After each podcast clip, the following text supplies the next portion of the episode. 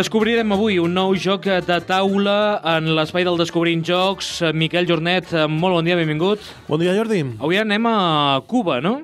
Bueno, Cuba i una mica també a tot el món, però sí, l'epicentre és Cuba. 13 dies, la crisi de los misiles en Cuba. És el joc que, que ens recomanes avui, un joc de l'any 2016, per tant, un joc que podem dir que de novetat. Eh, sí, sí, eh, publicat per Ludonova, el número 1 de la seva sèrie Història, perquè Ludonova ha fet una aposta per treure jocs de, amb, amb rerefons històrics i aquest és el, el primer. Després aniran traient més, que serà número 2, número 3, i això, pels que som completistes de, dels jocs de taula, eh, és una perdició, perquè dius, si tinc l'1, he de tenir el 2, i si tinc el 2, després hauré de tenir el 3, i bueno...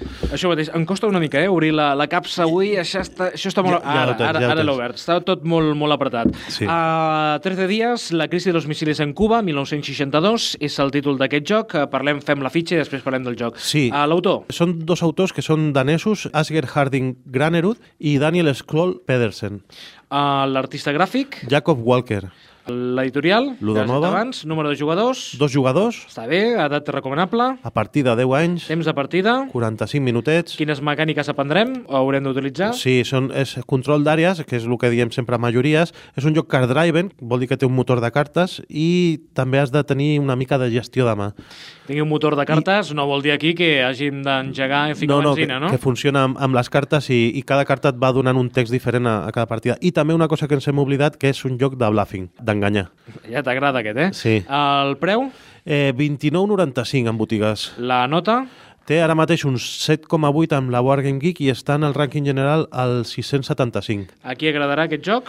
Eh, mira, agradarà a aquelles persones que volen ensumar una part de la història moderna en una estona de joc i alguns what ifs.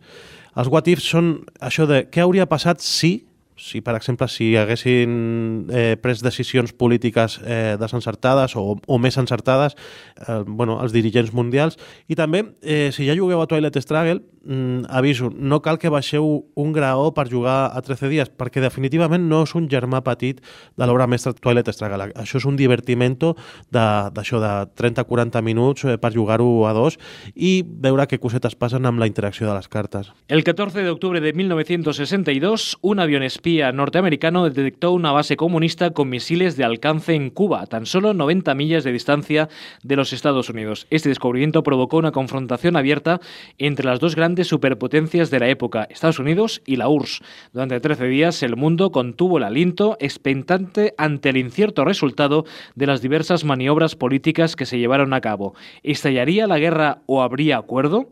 Ya seas Kennedy o Khrushchev, ¿conseguirás una victoria política decisiva ante la opinión pública?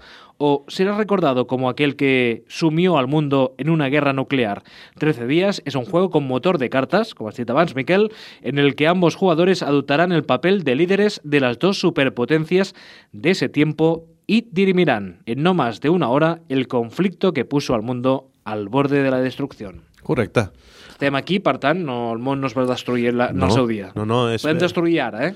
Eh, sí, sí, de fet en el joc pot passar. És... O sigui, o podem ser el president nord-americà o el president de la URSS. Correcte, sí, són les dues faccions. Si Què juguem... agafes tu?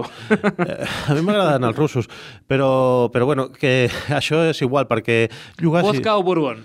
Eh, sí, sí. eh, la gràcia del joc. Cada carta que juga cada jugador es juga tres rondes i després es juga un epílog. A cada ronda, cada jugador juga quatre cartes. Aquestes quatre cartes representen mig dia de la crisi aquesta dels 13 dies. És un joc que és estrany que hagi arribat a, a, a publicar-se en espanyol, perquè de fet només està publicat en anglès i en espanyol. No hi ha edició en alemany, ni en francès, ni res. Eh, la primera editorial ho va treure per Kickstarter, era una editorial que es deia Jolly Roger Games, d'Estats Units, el va treure d'uns autors danesos, que no els coneixia ningú, però bueno, tenia el rerefons aquest que semblava una mica el Toilet Struggle, perquè sí, pel, pel mapa, per, també pel, pel track de prestigi que ha d'anar d'una banda a l'altra, les dues superpotències i tal, recorda molt el, el Twilight Struggle, que és l'obra mestra dels jocs aquests de, de, de motor de cartes.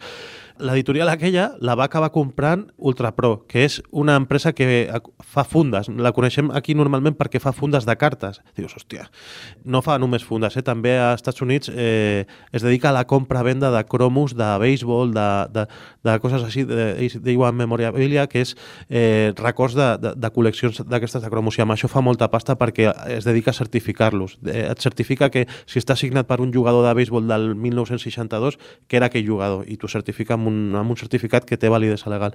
I amb això han guanyat molta pasta i eh, ara s- s'estan dedicant a editar jocs.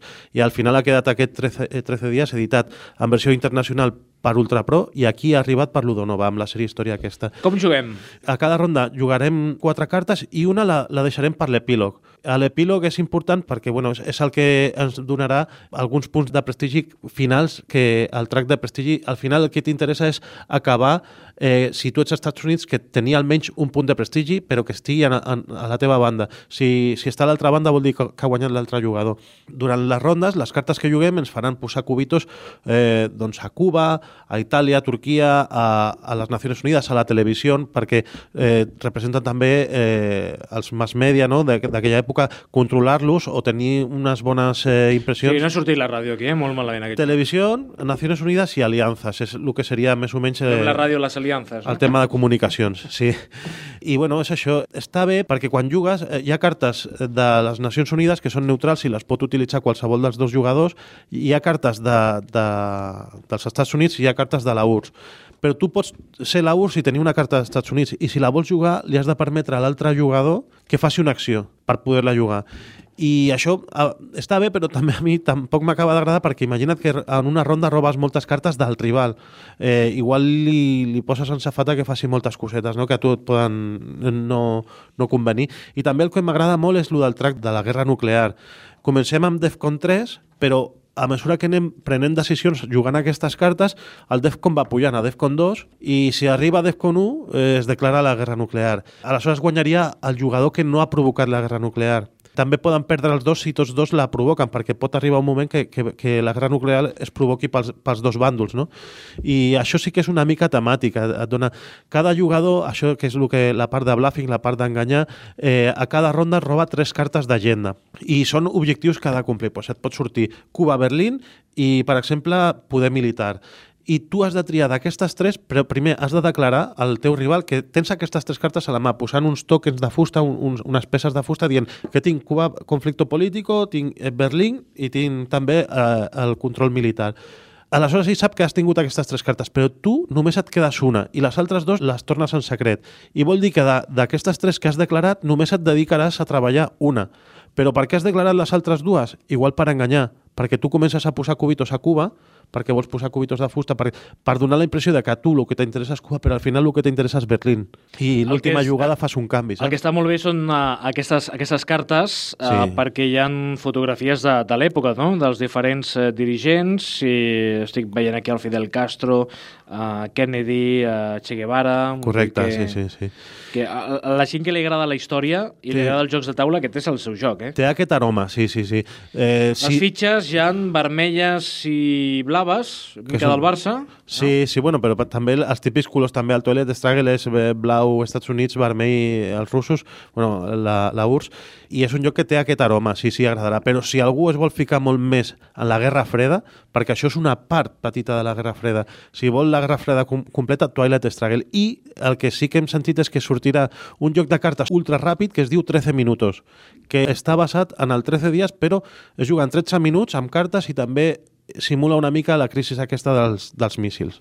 Per tant, no estarem 13 dies jugant, uh, sinó que el temps de partida són uns 45 minuts. Sí, fins i tot menys, si vas ràpid. 13 dies podem fer moltes partides, eh? Sí, sí, sí. Quina música tenim avui? Perquè, com has dit, Defcon 2, Defcon 3, dic, home, potser el grup Defcon 2, O no? U2, no? Que era un míssil també.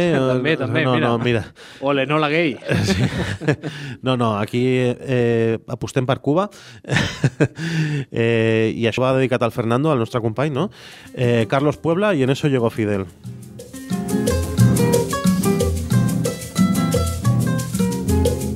Aquí pensaban seguir ganando el ciento por ciento con casas de apartamentos y echar al pueblo a sufrir seguir de modo cruel. Doncs amb aquesta cançó i en eso llegó Fidel, doncs aquest joc de taula 13 dies, avui el joc que hem recomanat a l'espai del Descobrint Jocs. Miquel Jornet, la propera setmana més jocs de taula. Sí, què et demanes? Estats Units? Uh, Sí, vinga. Vinga, va.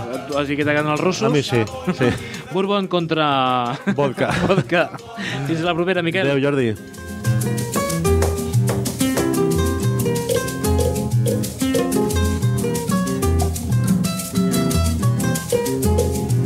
Aquí pensaban seguir, tragando y tragando tierra, sin sospechar que en la sierra se alumbraba el porvenir y seguir de modo cruel.